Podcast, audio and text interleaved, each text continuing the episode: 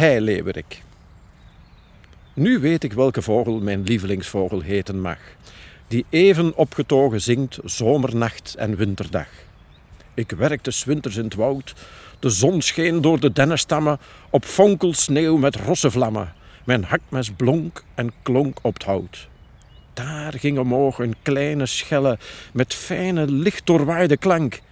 Het leeuwerikslied bleef mijn gezelle de lieve morgen lang. Wee luidde het helle, helle, hoog boven bos en hei. De kleine, kleine schelle ging onverpoost en blij. Nog maar sinds onlangs ken ik hem, met zijn verrukte kleine stem, zijn lichte, lichte jubelkreet, die van geen moeheid weet. De morgenzon, de zomernacht, de wind, de vrijheid zonder maat, de lust die nimmer meer vergaat, die heeft hij in zijn lied gebracht. Het klinkt vanuit de vage verte alsof hij midden in het gesterte zijn zilveren klokje luidt. Je voelt dat zo'n gedicht is toch vanuit een emotie eh, vertrokken. Hè? En die emotie komt toch van, van dat contact met die vogel en met die zang dan, in, dit, in dit geval vooral. Hè? Het is zelfs de wetenschappelijke naam van boomleverik, is zelfs al een liedje, daar vind ik. is al een klanknabootsing. Lulula arborea. Lulula. Dat is zo echt, eh, die roept zo? Ja. Zit er zo wat in. Een heel mooie eh, dialectnaam ook is het Zoete Lieveken. Maar van hier in de Kempen. Ja, ja Zoete Lieveken. Eh, dus Heileverik is een eh, volksnaam, maar ook Zoete Lieveken. En Madeliefje wordt die ook soms wel genoemd. Uh, willen van die, die, dat die roep zo wat trekt op Madeliefje precies zo. Ja. Ik kan hier niks tegen inbrengen, Koen. tegen al die info en die kennis. Wilde jij mij niet adopteren?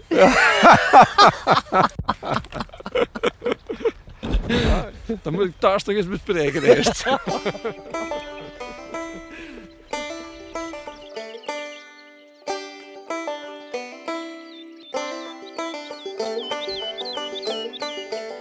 Welkom luisteraars bij een nieuwe aflevering van Freed Freed.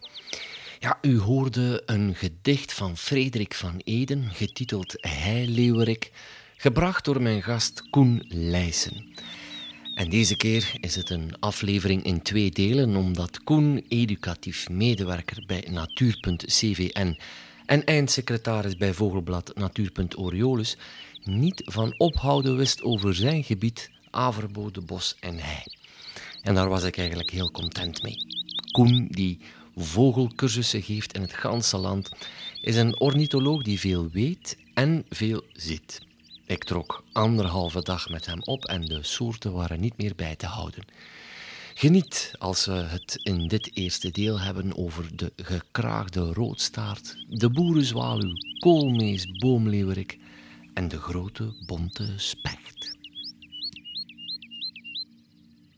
We hebben eh, daar juist al een gekraagde roodstaart gezien, dus ons, onze wandeling is eigenlijk al geslaagd hè, voor deze morgen. Vind je Ja, ja, dat is echt, eh, echt de max. Hè. Ik vind dat echt zo'n mooie vogel. En ja, heeft zich wel heel mooi laten zien in Begijn. Hij heeft fantastisch. Hij, hij kwam ook weer poseren. Ik herinner me de vorige podcast met Pim Niesten. Daar kwam er een roodborstap uit voor ons poseren. Ja, Maar het was alsof dat hij uit een boekje kwam. Hè. ja, ja, ja dit was echt een plaatje. Ja. En, en echt lang kunnen bekijken. Heel mooi die, die, die oranje borst gezien. hè. Het witte voorhoofdje zo. En Ja. dan ja, met zijn staart zien trillen. Ja. En ik heb weer een stripje meer, want ik heb ook het wijfje gezien. Van Ja. Ja, ja, die had ik gemist. Ja, voor de eerste keer eh, in de twee maal dat we elkaar gezien hebben, heb ik eens iets meer gezien dan Koen in ieder geval. Het is u meer dan gegund, Begijn. dank u wel. Zeg maar, maar eh, toch wel frappant dat hij daar zit. Ja, ja, dus, eh, ja, de Bierhoeve heet dat. Hè. Dat is een, een, een ja, gebouw, toch? Hè. En dat ligt hier ja, midden in een natuurgebied. Ja. En dan zie je dat hij zo'n beetje hetzelfde gedrag heeft als zijn neefje, de zwarte roodstaart. Mhm. Die dan ook aan gebouwen broedt, maar dan meer ja, in steden en aan boerderijen en, en Ja. industriegebieden zelfs.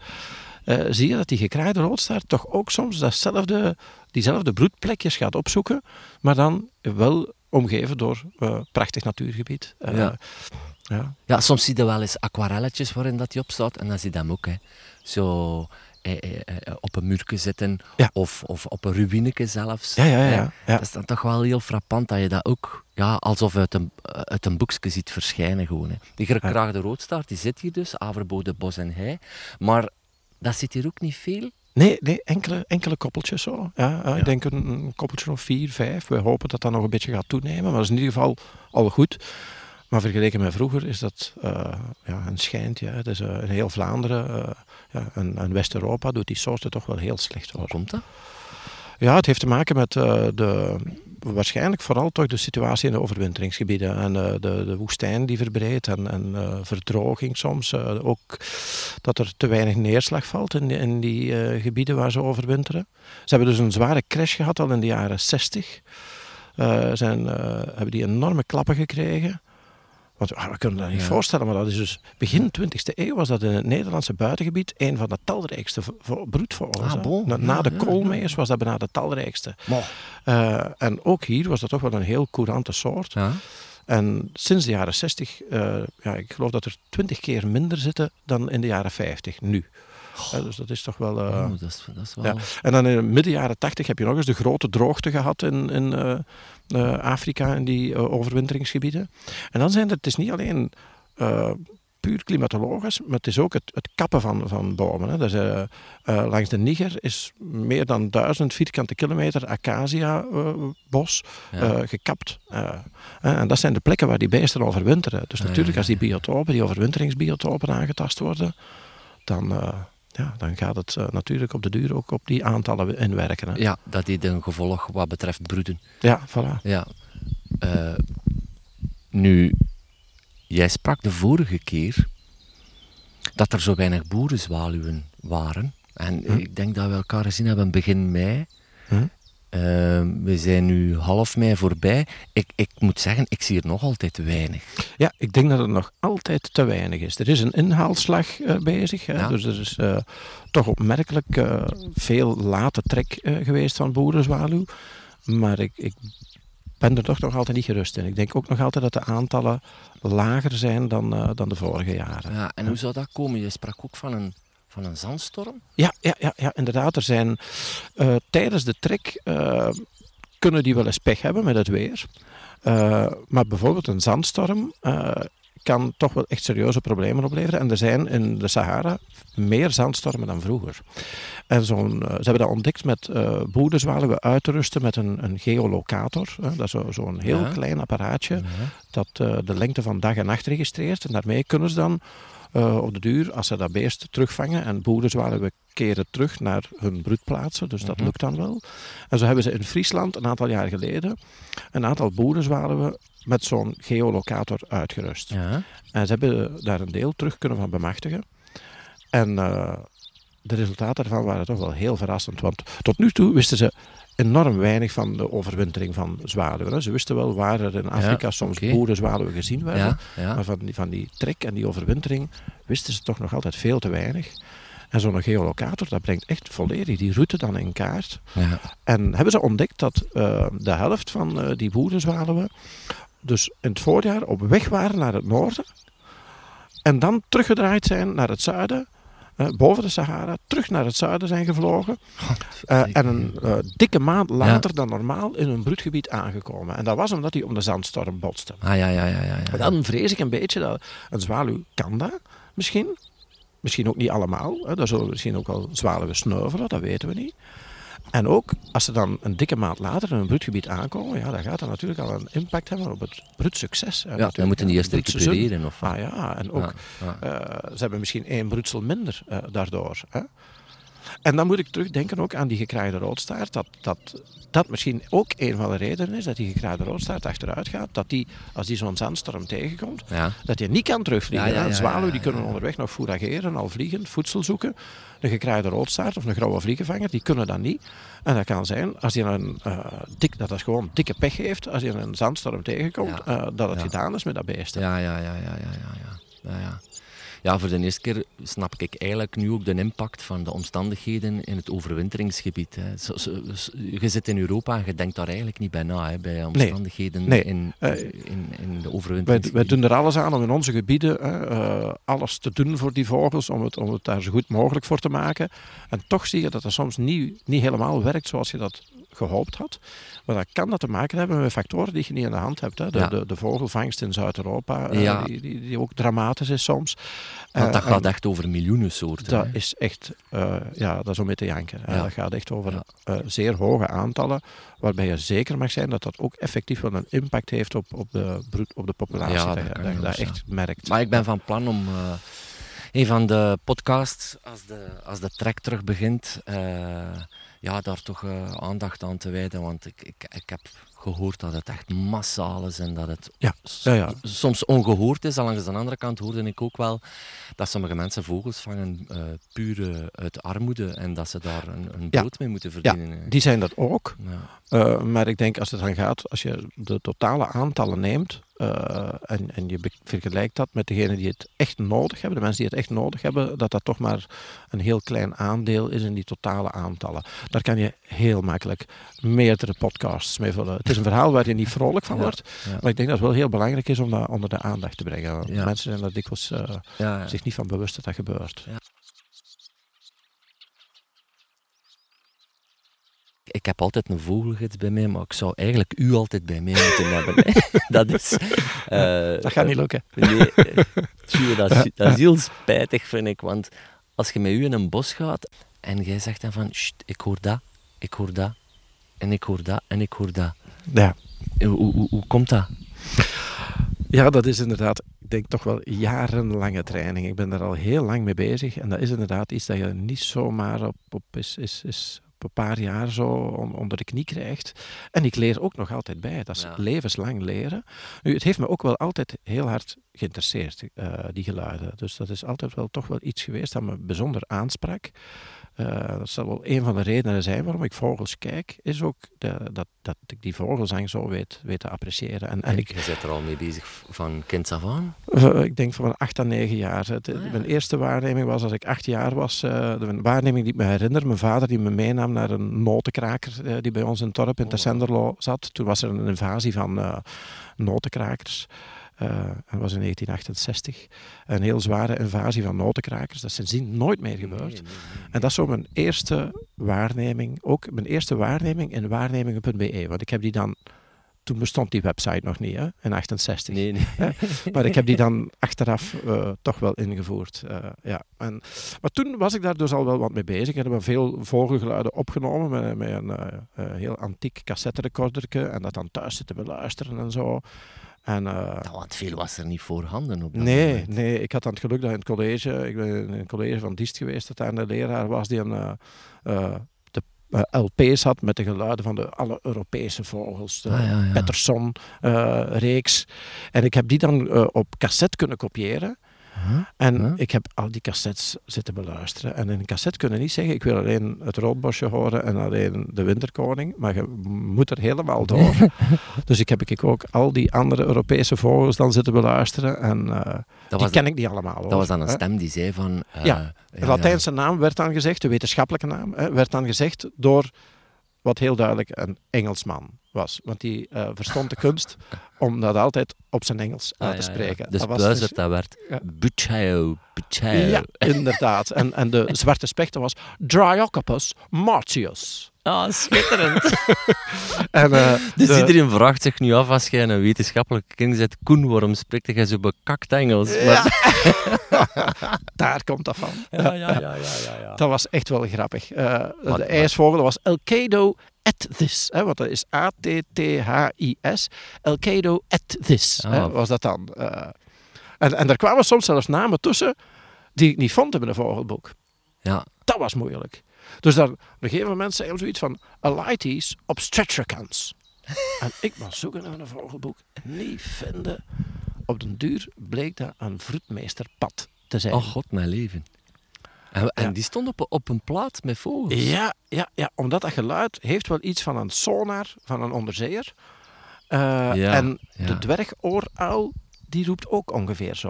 Ah, bon. En ik, ik ben dat kwijt, ik heb dan weer die cassettes. Maar ik vermoed dat dat daarbij stond, bij die dwergoor, al, Ah, ter ja, vergelijking. ja, ja, ja. Die vroedmeesterpad is wel grappig, want ik, ik, eh, ik heb een vriendin in Zuid-Frankrijk en die vroeg mij dat onlangs ook van.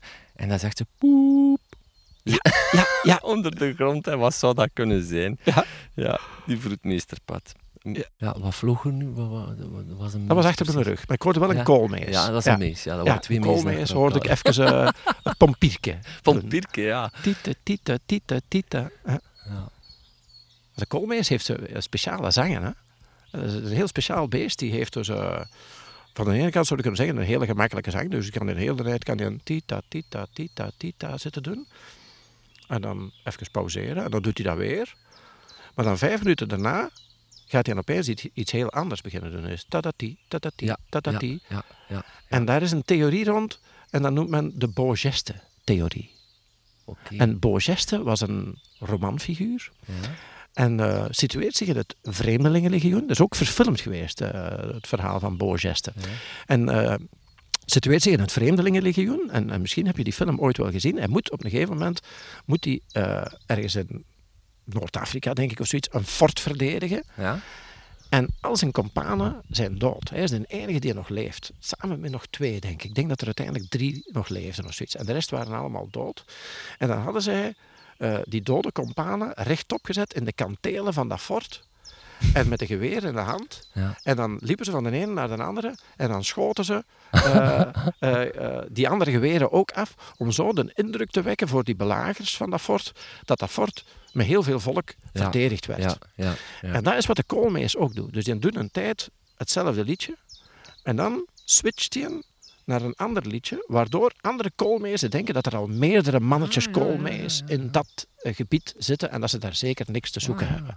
En dat is zo de, de theorie rond de zang van de koolmees. Magnifiek is dat. Ja. Ah ja, dat is een leuk wist je dat, ja. hè? Ja, ja, ja. En, en een leuk wist je dat je dat misschien jaren onderzoek gekost heeft. Ja, ja, ja. ja, ja. Ja. Zeg maar, om terug te gaan naar die soorten waar wij eh, eigenlijk de vorige keer aan begonnen waren, maar waar we totaal niet uitkwamen, omdat we... We zijn ons verloren gelopen in het bos van de soorten hier. Dat is niet erg, hè? Ja, nee, nee, nee. We hebben zoveel soorten gezien. Ja, jij wilde gewoon een keer terugkomen naar hier, begrijp Ja, ja, ja. Ja, ja, ja. En vooral, eh, ik wist, eh, ik kom hier nog een uurtje het een en het ander opnemen, maar ja, Koen die was sowieso die een bos in willen trekken, dus ik had met, een, met een verrekijker mee.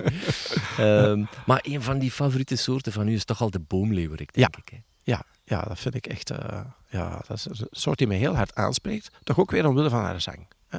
Heeft een, een, een, een machtige zang. Hè. En, eh, heeft al heel wat mensen weten te inspireren. Hè, zoals Frederik van Ede, hè, Ja. die daar eh, Ja. een heel mooi gedicht van gemaakt heeft. Maar voor mij ook, het is echt... En ik heb er ook heel veel herinneringen aan, aan de boomlever. Ik, ik herinner me, ik was vroeger dan in Tercenderlo overal actief, in, in Gerhagen. En ja, in de beste stukken van Gerhagen, daar zat een boomlever. En de eerste keer dat ik, dat, dat ik die vogel zag, ja, dat was... Ja, een, een heel speciaal beest ook, omdat je, je kunt in de vlucht heel goed herkennen, Ja. dat hij een heel kort staartje heeft. Mhm. Eh, dus er zijn niet zoveel van die zangvolkers die je in de vlucht goed kunt herkennen, maar die boomleeuwerik, dat is er wel één van. Ja. Heeft zo'n beetje een vleermuisachtige vlucht. Gaat ook niet zoals de veldleeuwerik, heel hoog in de lucht hangen tirelieren, maar vliegt meer zo in spiralen rond Ja. boven, boven zijn gebied. En hij heeft heide nodig en hij heeft zand nodig. Het mag niet volledig dichtgegroeid zijn met heide, dus er moet ook wel wat duinen zijn en zo. En dat zijn de ideale biotopen voor, voor die boomleeuwerik. En het is ook wel een hele mooie vogel. Heel subtiel getekend, bruinachtig, maar wel weer een heel opvallende wenkbrauwstreep. En die loopt heel ver door. En die twee wenkbrauwstrepen die ontmoeten elkaar bijna op het achterhoofd. Zo. Eh, heel knap. En ook in de rand van de vleugel zit zo'n heel mooi wit-zwart motiefje. En, en dan de zangen. Ja, het is echt zo'n beetje een weemoedige, eh, wat melancholiek zo, ja, maar ook jubelende zang. En ik herinner me nog, ik was, was ooit eh, op vakantie in de Ardèche Mhm. en sliep ik in een tent. En de hele nacht hoorde ik daar boomleeuwerik zingen. S'nachts. Dus, en ik las dat ook daarna in boeken van zingt ook s'nachts. Maar ik moet wel zeggen, hier heb ik dat nog niet gehoord. Maar misschien kom ik hier s'nachts te weinig. Ja. Maar ja, ik kom hier toch wel eens voor de nachtzwaluw en zo. En dan moet ik toch wel zeggen dat ik die boomleeuwerik niet hoorde. Maar misschien moet je echt met maanverlichte nachten gaan. Dat dat, dat, dat het, het ideale moment is. Maar dat is me ook altijd wel bijgebleven. Dat ik daar de hele nacht En dat waren soms wel korte nachten. Er op vakantie was. Ja, maar Dan, eh, misschien, eh, ik wilde juist zeggen, misschien moet je toch je vrouw eens verleiden om te gaan wandelen bij volle maan. Als excuus om eigenlijk de boomleeuwerik te gaan bekijken. Dat uw vrouw zegt, oh, het is weer, weer voor de vogels. ja, ja, ja. Ze, ze heeft daar ondertussen al wel een zintuig voor ontwikkeld. Ze Ah, weet ja. dat er dikwijls toch wel ergens een verborgen agenda is. maar ze doorprikt dat ballonnetje dan ook niet. Dus ze gaat daar dan toch gelukkig wat in mee. En eh, ook op vakantie. En dat is, dat is plezant. Ja, Eh, dat zal wel. ja, maar het staat wel in teken van natuur. Ja, absoluut. We hebben nu net een het geluk gehad om een wandeling te kunnen doen, in, in, eh, om een eh, vakantie te kunnen doen ik, in, in Corsica. Met heel veel wel pittige wandelingen. Mhm. En ja, daar ben je dan aan het klimmen. Hè, en onderweg heb je dan, hoor je dan de Corsicaanse boomklever. Een, endemische soort die alleen daar voorkomt. Hè. Maar dan zit je nog wat hoger. eh, en het is wat ja, minder begroeid. En opeens hoor je daar dan Ja. die boomleeuwerik. Ja, Daar zit hij ook. En het is daar zo stil, dat komt dan zo tot zijn recht. En ja, je, je hoort die hier en je hoort die ginder. En ja, toch is die beleving nog, nog anders dan. Ja. Maar het is ook wel plezant dat hij hier zit en ginder zit. dat is ook wel plezant. Ja, ja. Maar, maar het is dus, hij heeft geen bos nodig, hè, die boomleeuwerik. hè. Maar veel zit hij hier toch niet? In Vlaanderen bedoel ik. Nee, nee, nee, heidegebieden met verspreide bomen. Omdat hij een andere vluchtstrategie heeft dan de veldleeuwerik. De veldleeuwerik, als daar een, een roofvogel in de buurt komt die hij als bedreigend ervaart, hè, een, een boomvalk bijvoorbeeld of zo, dan gaat hij proberen om daar boven te hangen. Ah, ja, ja, ja. Terwijl een boomleeuwerik, die vliegt naar de boom. Die gaat zich Aha, verschuilen in een boom. Ja. En dus hij heeft dus wel hier en daar een boom nodig, maar ook die hei en die zand, eh, dus dat biotoop. En, en het doet het wel wat beter in Vlaanderen, omdat er de laatste decennia toch wel wat meer werk gemaakt is van dat heideherstel. Eh, En daar profiteert hij dan van. Ja, want die veldleeuwerik, Ja, dat is een ramp. hè. oh, wat het er juist ook over. Je moet Ja. echt een vergrootglas erbij gaan halen Ja. om, om die nog ergens te kunnen Ja, horen of Dat is zien. Die is volledig afhankelijk van het landbouwgebied. En ja, daar is alles heel sterk gericht op, op intensivering, productie eh, en subsidies. Volledig gericht op pro- productie in plaats van subsidies ook gericht op het mee onderhouden van die biodiversiteit die zo mooi kan zijn in dat landbouwlandschap. En, en ja, die veldleeuwerik is één van de vogels die dan in de hoek zit waar de, de klappen vallen. Hè. Maar gelukkig zijn er mensen die daar heel hard mee bezig zijn eh, om, om te proberen om dat tijd te keren. En eh, ja, daar moet je zeker ook een podcast aan wijden. Ja, dat ja, is ja, echt ja, eh, ja, absoluut. bijzonder Maar- interessant. Ik ga die mensen het gas voor de voeten niet wegmaaien. Maar dat is eh, bijzonder waardevol werk eh, dat die doen. Maar Kik en Gors, eh, daar ben ik op uitgenodigd op dat weekend.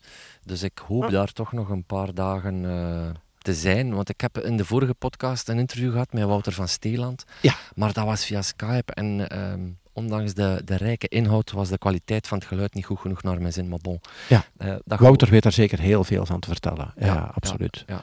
Ja. En Freek Verdonk. Freek Verdonkt, hè? Ook heel, heel, ja. Dus ja, eh, daar kijk ik eigenlijk naar uit om, eh, om in juni naartoe te gaan. Ze hadden ooit een voetbalmatch moeten stilleggen hè, van, eh, van een, een spreeuw die het daar bitterfluitje nadeed. Hè. Ja? Ja, ja, voortdurend dachten die spelers dat er een overtreding begaan werd. Geweldig. Hij stak die naar bitter dan eh, de scheidsrechter. Hè, zijn eh, beide handen in de lucht van ik weet van niks. Ja, hier staan we aan de rand van een oud eikenbos. Ook eh, bijzonder rijk aan eh, spechten. Hier hebben we dan de grote bonte specht. Toch wel echt eh, ook wel een van mijn favoriete vogels vind ik. Dat vind ik echt zo'n mooi, mooie kleur. Zo dat wit-zwart en dat rood erbij. Zo heel opvallend. En ook een soort die het goed doet. Hè. Er zitten ik denk wel drie keer meer eh, grote bonte spechten dan, dan enkele decennia geleden. En, en andere soorten profiteren daarvan. Hè. De boomklever en zo profiteert daar dan van. Ja. Dus want Kan. wij, wij hebben hier al boomklever gehoord. Wat, Ja. wat hoor je hier dan nog? Vink, winterkoninkje. Tjiftjaf. Ja, we zijn er nog niet doorgewandeld. Hè. We staan nu nog maar aan de rand. Hè. Want, want eh, zeker zit hier ook boomkruiper. Zit hier ook, eh, Ja, ja, En eh, de middelste bontespect zit hier ook. ja. Ah, Ja, is, dus- is die heel opvallend anders dan de grote bonte? Eh, de, ja, de kopkap is volledig rood. Ah, En eh, bij de grote bonten... Zowel bij manneke als vrouwke. Ja, ja, en bij de grote bonte die heeft eh, het mannetje heeft een rode vlek op het achterhoofd. En bij de middelste bonte heeft een volledig rode kopkap. Dat is normaal veilig kenmerk, behalve op het moment dat er jonge grote bonte spechten zijn uitgevlogen. Want die jonge grote bonte spechten hebben ook een volledig rode kopkap. En dat is het moment dat je wel eens je zou kunnen vergissen. En ook de kleur van de broek verschilt. Hè. Dus bij een eh, grote bonte specht heeft een, een rode broek. En een middelste bonte specht heeft een roze broek. Maar dat is echt een aanwinst in onze avifauna, hè, die middelste bonte specht. Vroeger, eh, in mijn jeugd, reden we ervoor naar Duitsland om dat te kunnen zien. En nu zit dat gewoon hier. Dus dat is echt wel, wel straf. Maar die, In, ja, in hoeverre kunnen die boomklevers profiteren van die specht? ja, die gaat toch wel ja, gaat van die holen kunnen profiteren. Dus door het feit dat er meer grote bonte spechten zijn, eh, is er een meer aanbod aan holen. En, en dat speelt zeker in de kaart van, van, van die boomklever. En ja, dus een specht die gaat die, die weken plekken in het hout zoeken om daar dan eh, zijn hol te kunnen maken. Maar nu heb ik ook gehoord dat ze, dat ze ook plekken gaan voorbereiden. Dus ze gaan soms ook op een gezonde plek de schors aanpikken. En op die plek kan, eh, kan er dan een aantasting van het hout gebeuren. En dat kan dan een jaar of twee jaar of zo een interessante plek worden om een hol te maken. Dus op die manier gaan ze ook zelfs plekken voorbereiden om eh, hun hol te kunnen maken. En je hoort ze dan soms roffelen. Nu, nu neemt die activiteit af. Hè. Dat is vooral in het vroegere voorjaar. Heeft er een korte roffel. eh, en ze doen dat om hun gebied af te baken. Hè. Veel mensen denken dat de roffelen van een specht dat dat is eh, eh, om eten te zoeken. Hè. Maar dat is eh, hetzelfde, vergelijkbaar echt met de zang van een zangvogel. Dus afbakenen van, van hun gebied. En er is zelfs wat verschil in roffel. De roffel van de grote bonte specht is anders dan die van de kleine bonte. Is korter, die van de grote bonte. En die gaat op het einde zo een beetje aflopen. Zo een beetje uitsterven zo. Maar het duurt amper een seconde, nog geen seconde. Ah, hoor jij het verschil? Ja, tussen grote bonte en kleine bonte wel. De middelste bonte die eh, roffelt niet zoveel. eh, dat is wat moeilijker. Ja. En ja, ja, ik vind het een, echt een heel interessante vogel ook. Omdat bijvoorbeeld de grote bonte die heeft ook zo in de winter... Vooral gaan ze ook zaden van, van dennen eten. Hè? En, en ja, als ze op zo'n dennappel, als dat op de grond ligt... En ze beginnen daar met hun snavel op de hamer... Ja, dan eh, hameren ze die gewoon de grond in, dus dat werkt niet. Dus ze moeten die ergens kunnen blokkeren. Ze kunnen dat natuurlijk op, op, een, op een stronk leggen, maar dan rolt dat nog weg. Dus gaan ze dat ergens in een spleet in de schors vastklemmen. Zo'n eh dennappel. En dan kunnen ze die mooi bewerken. En dan van het moment eh, dat ze de zaadjes er allemaal uit hebben, dan vliegen ze weg. Hè. Dan gaan ze een nieuwe dennappel halen. En eh, die nieuwe dennappel stoppen ze dan tussen hun lichaam en de stam in. Ze pakken die een oude dennappel, ze zwieren die eruit. En ze stoppen dan die nieuwe dennappel op diezelfde plaats. En dan gaan ze die terug bewerken. En dan krijg je, ja, dat is geweldig. En dan krijg je aan de voet van die boom, en dat is altijd plezant als je dat op een natuurwandeling kunt laten zien, zie je dan zo'n hoop bewerkte dennappels liggen. En dat is dan een spechte Smidse, noemen ze dat ja, dan. En, en eh, de plek waar hem dat vastzet is het aanbeeld. En hij heeft dikwijls verschillende aanbeelden in zijn territorium. En dat kunnen natuurlijke spleten zijn, maar dat kunnen ook spleten zijn die hem eh, zelf eh, maakt. Eh, op, op maat, hè, want niet elke dennappel is even groot. En daar gaan ze ook wel rekening mee houden. En dat roffelen, dat was ook nog straf vroeger. Gebeurde het wel eens. Niet in de tijd dat de dieren nog spraken, maar wel in de tijd dat er nog antennes op onze daken stonden. Gebeurde het wel eens dat een grote bonte specht ontdekte dat als ze zo op dat metalen kastje dat daar dikwijls van onderaan hing, een soort versterkertje denk ik dat dat was of zo, als ze daarop roffelde, dat dat geweldig veel lawaai maakte. Ja, ja, ja. ja. En dus voor die mensen was dat echt niet leuk. Hè. Dat was precies dat er 's morgens vroeg om zes uur iemand met een drillboor op hun dak stond. Hè. Ja, ik hoor nog dat ze soms op metalen palen eh, roffelen. Ik heb onlangs ook weer iemand, weet het ook niet waarom, of, maar die, die signaleerde het ook van, zeg, daar zit hier een op een lantaarnpaal te roffelen. Ja, ja ik, heb, ik heb ooit ook gezien dat ze op eh, een, eh, zo een armatuur van een straatlamp eh, aan het roffelen ja, waren. Ja, ja, ja. ja. Maar ik moet ook toegeven, Ah, dat Doe maakt wel geweldig veel lawaai. Hè. een kick zijn om zoveel lawaai Ja, te kunnen ja, maken. Ja, ja, maar met ja. je snavel. Ja, ja dan, oh, in Engeland hebben ze zo een gehad, die had het ontdekt eh, van, van als ze hem op zo'n luidspreker, van een, dat was aan een renbaan, paardenrenbaan. En als ze hem op zo'n een, metalen, konische luidspreker, Ja, als hem daarop roffelde, ja. dat dat geweldig lawaai maakte. Ja, en, dan had hem, en dan zitten daar, in de buurt zitten daar dan van die losers gewoon op een, op een tak te roffelen. Ja. die konden er natuurlijk van geen kanten tegenop. Hè.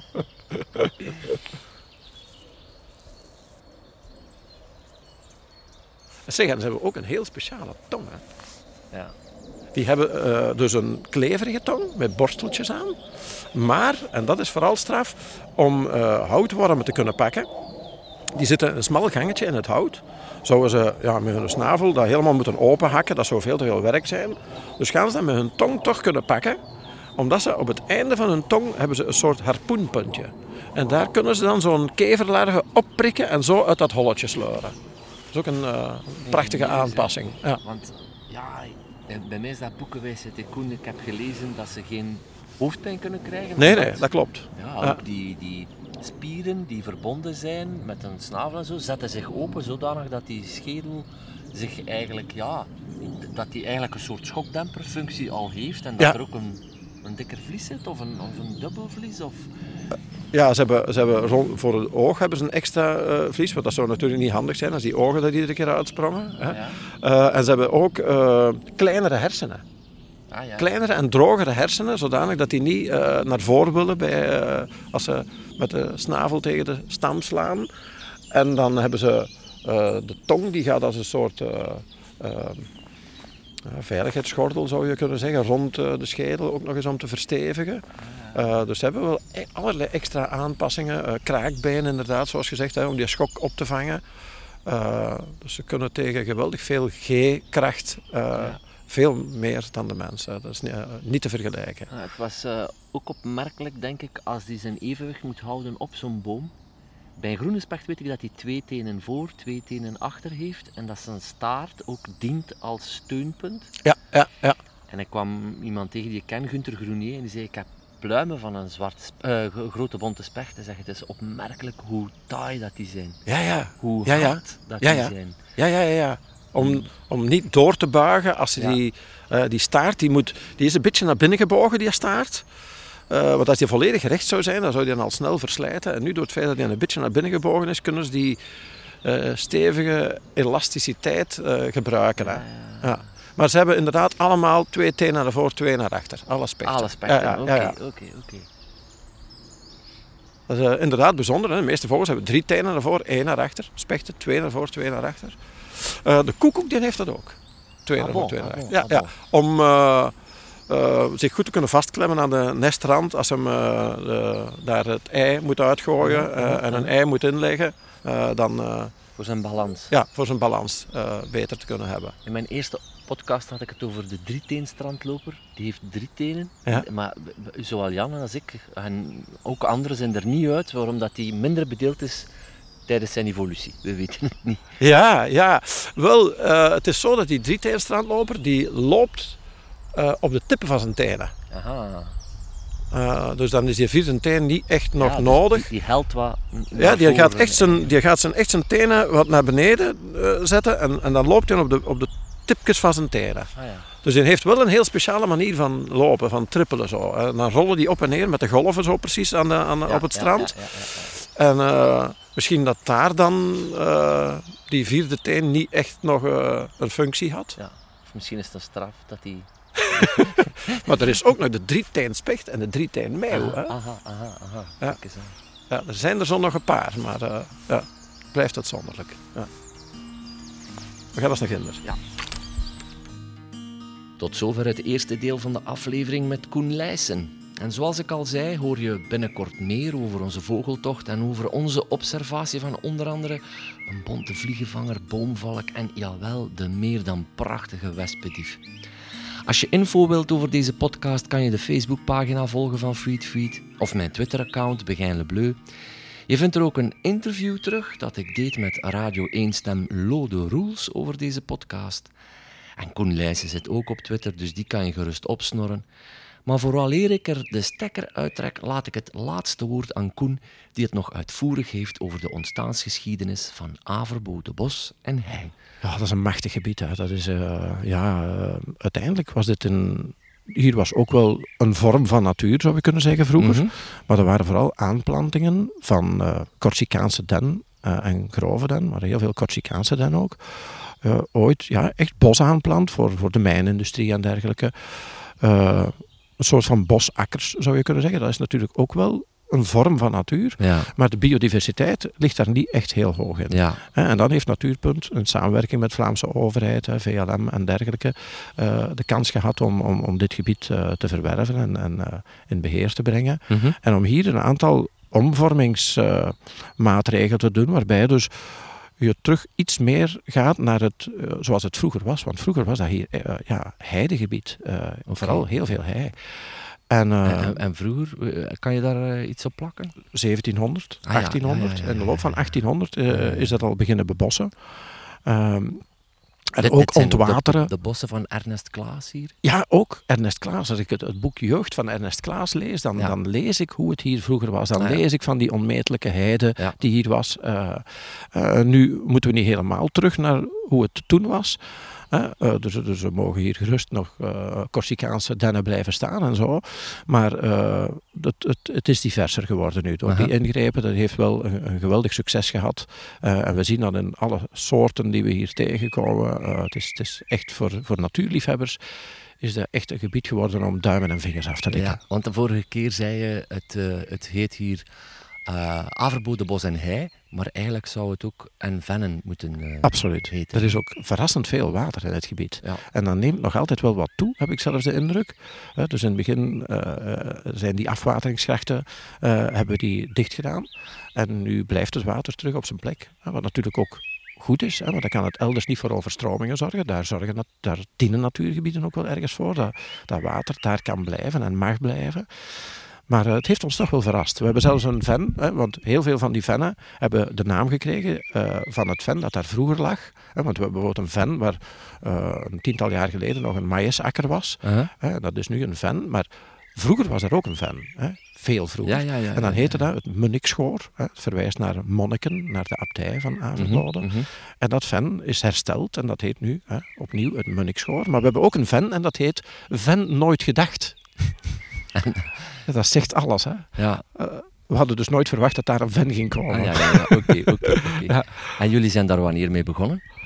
Ja, de juiste datum, dus, ik denk 2000. Ik moet oppassen dat ik me niet vergis, want ik ben niet zo goed in getallen.